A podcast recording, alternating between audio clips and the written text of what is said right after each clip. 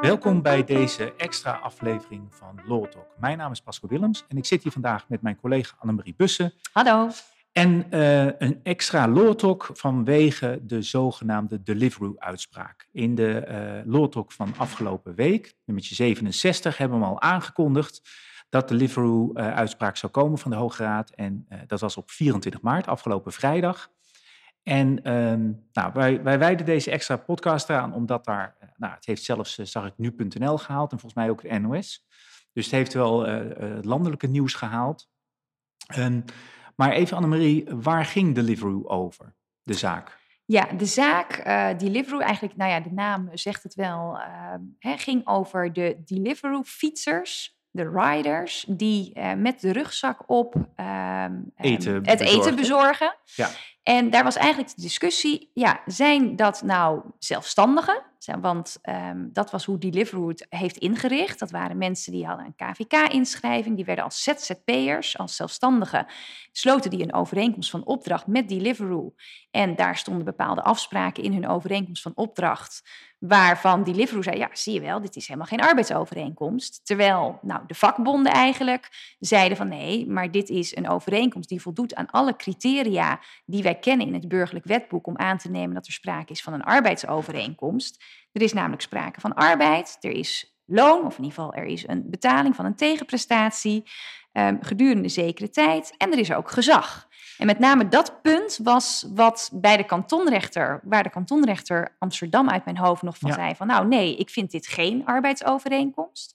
Maar het Hof Amsterdam zei van nee, als wij dit eigenlijk gaan beoordelen, als wij gaan kijken wat er nu feitelijk precies gebeurt, dan is er misschien wel de afspraak gemaakt dat het een overeenkomst van opdracht is. Maar wij vinden dat er sprake is van een arbeidsovereenkomst. Kijk, en dat heeft dan natuurlijk een heleboel gevolgen. Precies, nou dat is wel even goed om te weten, hè, dat deze zaak is niet aan het rollen gebracht door een enkele of een aantal Deliveroo-medewerkers zelf. Ja, volgens maar- mij was er één, eentje is ermee begonnen, maar FNV heeft het overgenomen. Ja, maar het is dus met name de vakbonden Ja. die hier eh, een punt van hebben gemaakt. Of in ieder geval de vakbond, hè, FNV. eh, die maakt hier een punt van. En dat, dat zie je natuurlijk wel eens vaker.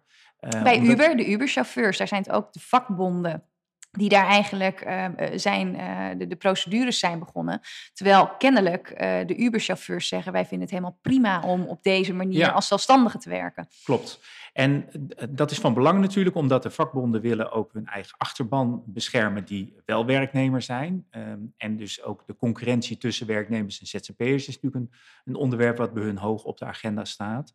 En in dit geval ging het dus inderdaad om de vraag, ook wel sluit je een contract als een Deliveroo-medewerker, een overeenkomst van opdracht, hè, en je gaat ervan uit dat iemand dan weet wat hij doet, dat dat dan toch een arbeidsovereenkomst kan zijn, Ja. ondanks dat je hebt opgeschreven, dat is het niet. Hè, vaak, dat nemen wij ook wel op in contracten. Wordt uitdrukkelijk Wordt uitgesloten. eh, bedoeld geen arbeidsovereenkomst te zijn. Maar juristen weten dat je, eh, zeker bij deze discussie, je kan opschrijven dat het het niet is. Maar als het wel doet, voldoet aan de wettelijke criteria voor een arbeidsovereenkomst, dan kan er toch een arbeidsovereenkomst aangenomen worden. En dat zij is het zogenaamde GAL-criterium. Gezag, arbeid en loon, die drie elementen. Ehm, en dat is de simpele versie. In de praktijk is natuurlijk de vraag, zoals bij Deliveroo, ja, voldoet dat dan aan de criteria voor de arbeidsovereenkomst of niet? En eh, we zullen een aantal van die criteria langslopen.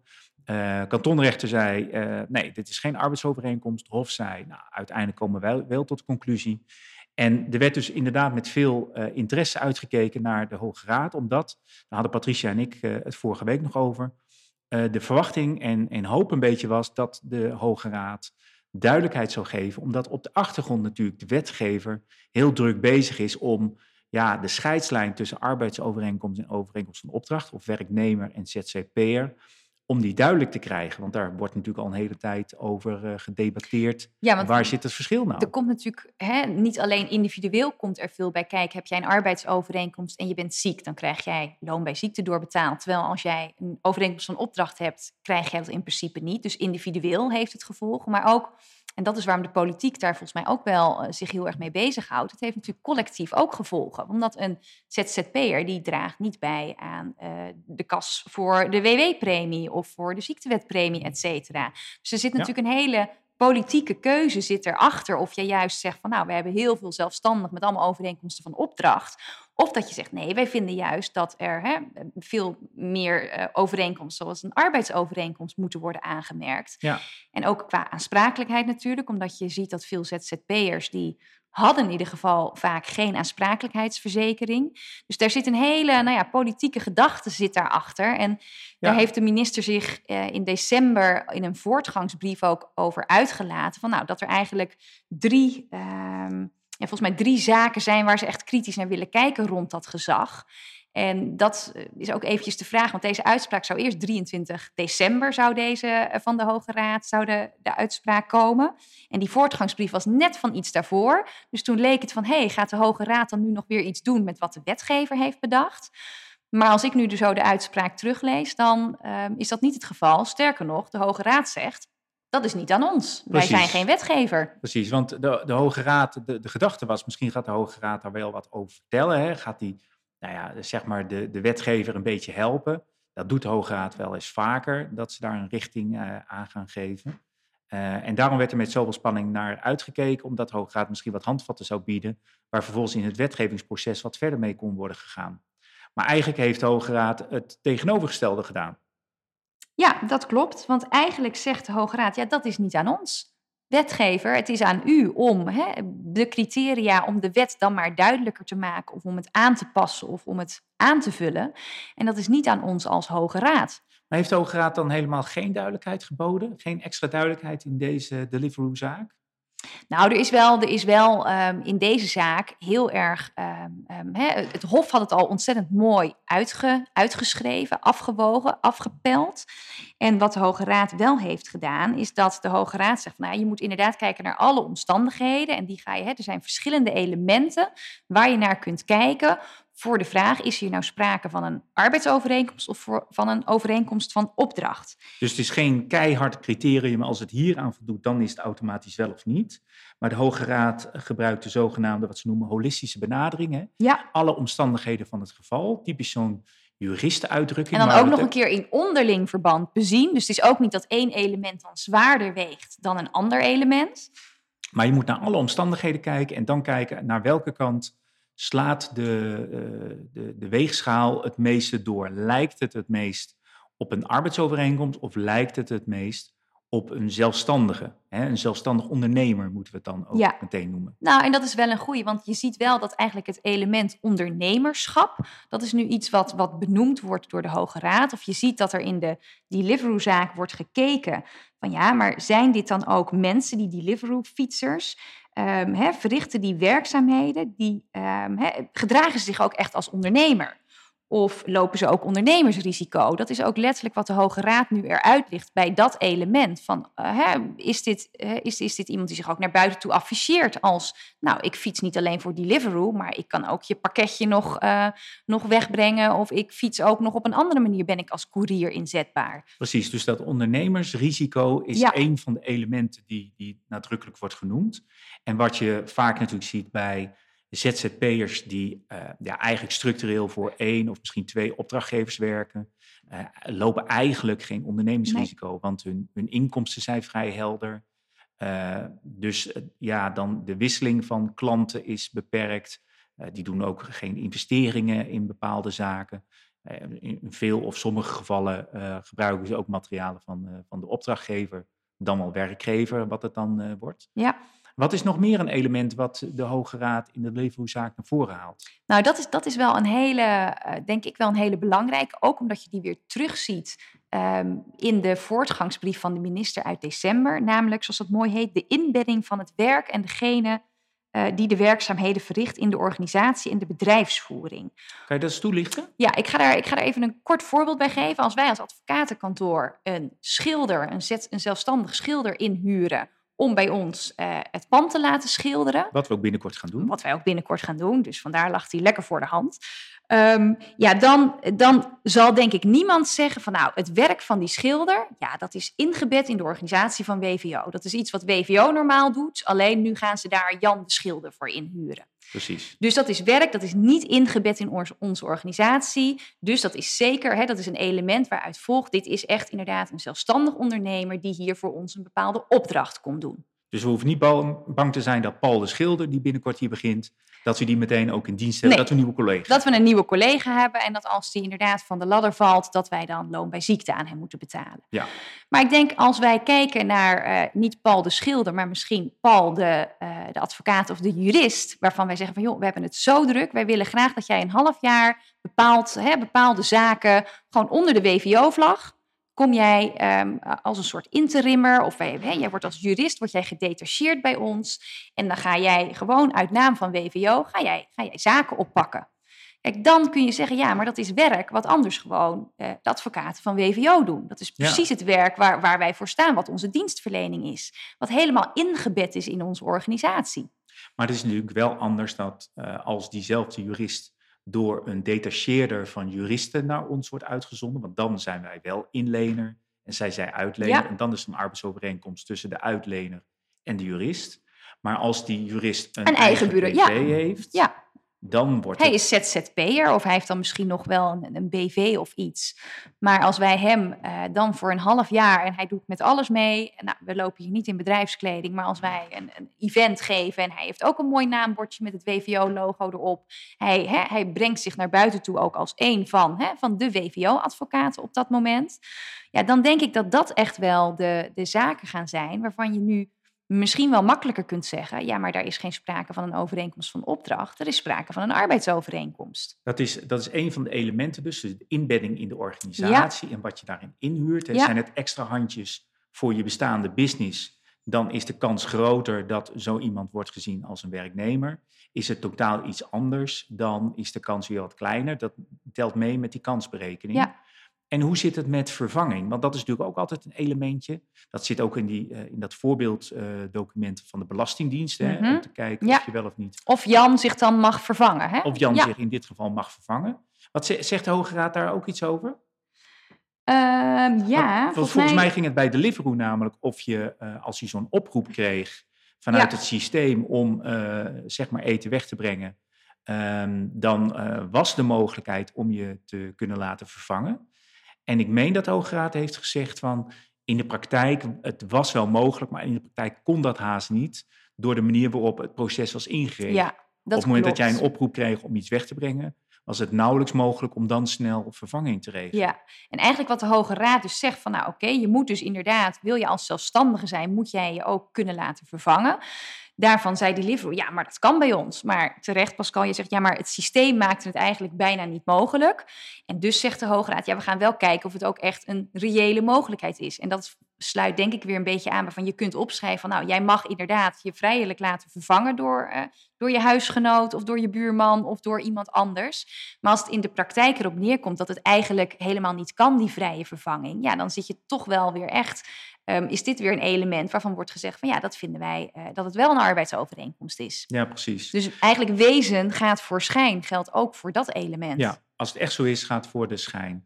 Dus eigenlijk kunnen we zeggen dat eh, de Deliveroo-uitspraak, waarbij overigens de Hoge Raad eh, het Hof heeft bevestigd dat de medewerkers van Deliveroo gewoon werknemers zijn. Ja. Met wat voor die organisatie eh, vergaande consequenties heeft, al is die organisatie geloof ik inmiddels uit Nederland vertrokken, als ik het goed Ja. heb.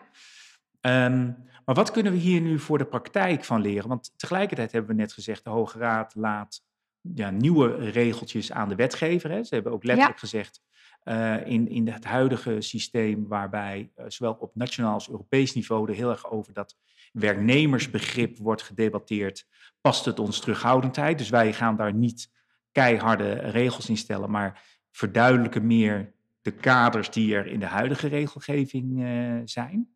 Maar wat, wat kunnen we hier toch dan mee voor de praktijk? Nou ja, wat, wat je hier volgens mij mee kan, is dat je hè, die, die elementen die wij bespraken, dus dat dat ingebed zijn, dat je daar heel kritisch wel naar moet kijken.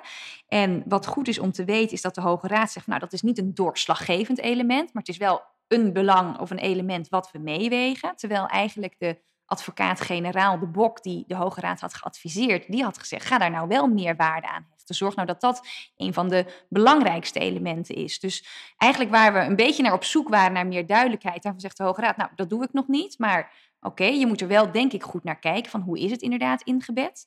Ook dat ondernemerschap, wat nu echt als een element wordt, nou ja, wordt geaccepteerd, kijkt daar ook goed naar.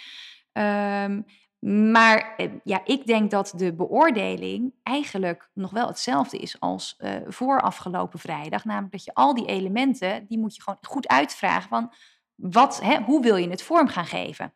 Wat, hè, wat is de bedoeling? Wat ga je feitelijk ga je doen? Ja. En uh, wat volgens mij wel een, een voorzichtige conclusie is, of in ieder geval dat, dat hoor je nu wel, van nou ja, wat gaat de wetgever doen hè, qua verduidelijking van dat gezagscriterium? Maar ook zijn er wel geluiden van, van arbeidsrecht, uh, houten methode, zeggen van ja, wij vinden eigenlijk dat hiermee um, de, um, de, de ja, de, de mond van artikel 610 hè, valt iets onder die arbeidsovereenkomst, dat die nu wel weer wat groter is geworden. Je kunt, hè, je kunt mensen er wel volgens bepaalde mensen sneller onder zo'n arbeidsovereenkomst schuiven dan nou ja, wat misschien nu in de praktijk aan de orde is. En dan wordt bijvoorbeeld genoemd de interimmers, omdat nu dat inbedden.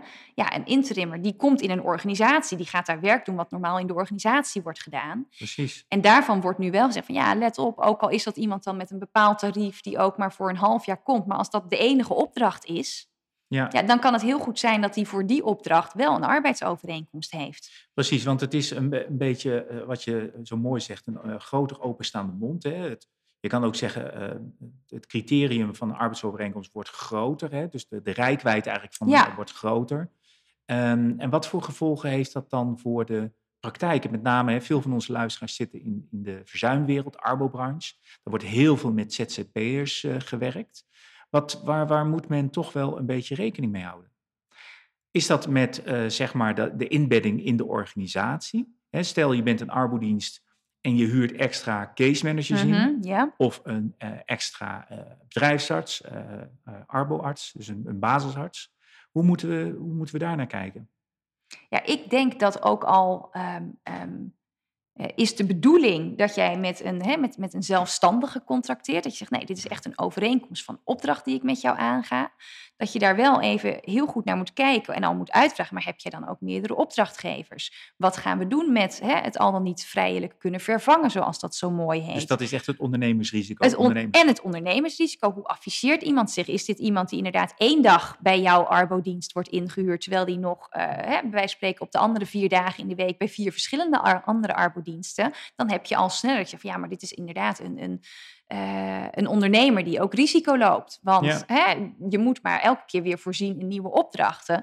Of is dit een case manager die zichzelf voor een jaar lang alleen aan jouw arbodienst voor 40 uur per week verhuurt, waar het werk wordt gedaan wat de case managers die in loondienst zijn ook precies hetzelfde doen. Ik denk dat er dan ja. eerder sprake is van een arbeidsovereenkomst. Waarbij het zelfs natuurlijk ook nog zo ingewikkeld is dat die, die case manager of bedrijfsarts die zich aan vier verschillende arbodiensten uit, uitleent, uitbesteedt, ook vier arbeidsovereenkomsten nou ja, dat zou, zou dus, dat, dat is wel wat, wat er wordt gesuggereerd nu wel. Van joh, let op, het kan zelf zo zijn, als je kijkt naar hoe is het ingebed, maar ook weer naar, naar die persoon, dat jij misschien wel, ook al denk jij, ja, maar ik ben toch ondernemer, want ik heb, hè, ik heb nu vier verschillende opdrachtgevers deze periode, dat als dan per opdrachtgever gekeken gaat worden, voldoet het aan de elementen.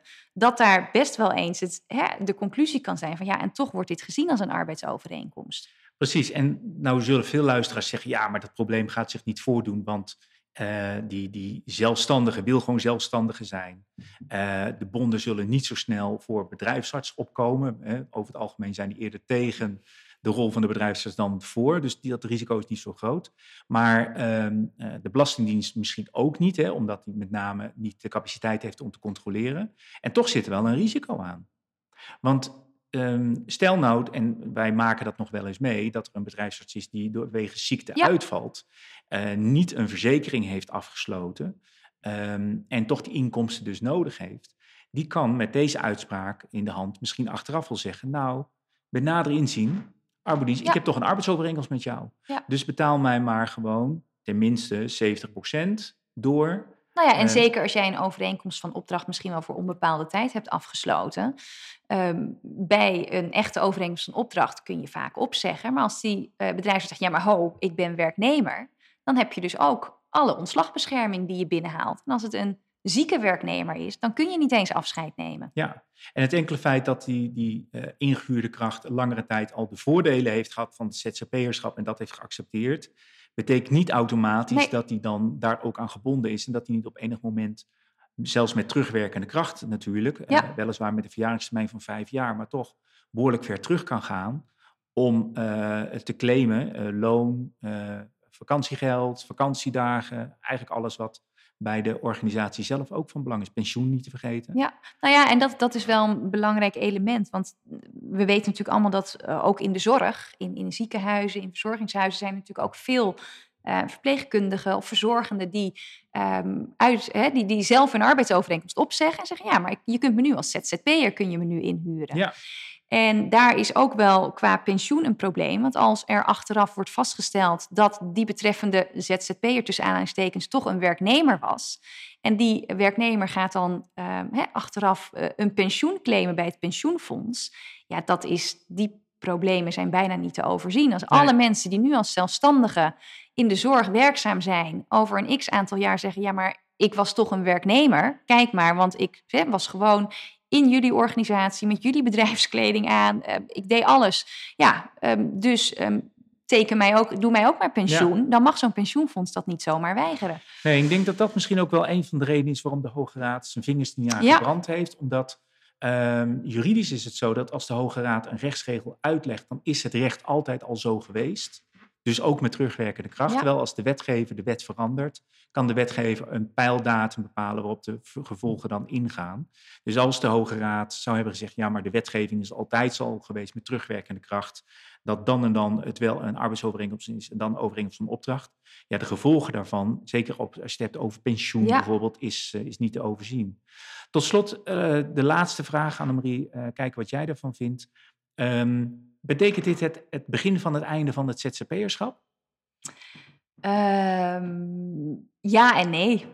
Ik, uh, typische juristenantwoord. Typische juristenantwoord. Nee, ik denk dat je wel. Uh, kijk, er is een bepaalde tendens. En het feit dat de wetgever hè, op zoek is naar. Die, die probeert natuurlijk dat ZZP-schap echt wel om, om, om, die groep kleiner te maken. Met die collectieve gedachte erachter. Van nou, hè, dan draag je niet bij aan, aan premies, et cetera.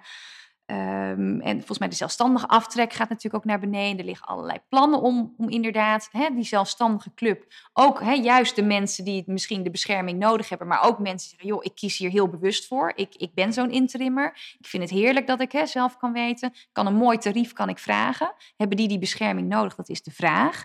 Maar goed, dat is een soort politieke keuze waarvan we zien van ja, men wil dat het ZZP-schap dat dat echt, hè, maar voor bepaald echt hele specifieke situaties kan worden toegepast. Aan de andere kant denk ik, ja, het zijn nog steeds 15 elementen. Um, um, en als er een bepaalde behoefte is in de samenleving aan die, aan die zelfstandigen, ja, dan denk ik dat dit wel altijd blijft. Ja. Maar daar is ook weer, volgens mij, weer bepalend bij in wat voor, wat voor economische periode zit je. Zeker, zeker. Maar je zegt 15 elementen, dat is wat Hoge Raad. Dat is wat de uh, Hoge Raad, ja. Precies. Uh, maar uiteindelijk gaat het erom natuurlijk hoe het in de praktijk uh, gaat. Ja. ja. We moeten het afwachten wat de wetgever ervan gemaakt heeft. De Hoge Raad heeft er in ieder geval iets meer duidelijkheid geboden, maar tegelijkertijd ook onduidelijkheid omdat de groep die mogelijk werknemer zijn toch weer ietsjes is gegroeid, zou je kunnen zeggen. Uh, dus voor ons als juristen is daar nog voldoende werk. En uh, voor de praktijk is het denk ik van belang om goed te onthouden dat deze uitspraak, uh, ja, de kans dat je met een werknemer contractueert, terwijl dat je denkt dat een opdrachtnemer is, dat die wat groter is geworden. Um, dus denk daar goed over na. En laat je althans uh, goed voor. Nou ja, en, en vraag het inderdaad ook als jij nog met iemand in gesprek bent. Vraag ook uit hoe het zit met zijn ondernemerschap. Of er nog meer opdrachten zijn. Uh, denk na over die vrije vervanging. En schrijf dan ook op dat jij zegt van nou daadwerkelijk. Um, um, hè, je kunt je vervangen, maar zorg ook dat het in de praktijk ook mogelijk is. En dat is Precies. wat je nu uit deze uitspraak wel kunt halen. Ja, Goed, nou, dit was dus een extra Law Talk. We vonden dat we dit uh, snel moesten uh, vertellen, zodat jullie ermee aan de slag kunnen. Uh, later in deze week komt weer een normale Law. Uh, maar voor nu allemaal bedankt voor het luisteren en graag tot de volgende keer. Tot de volgende keer.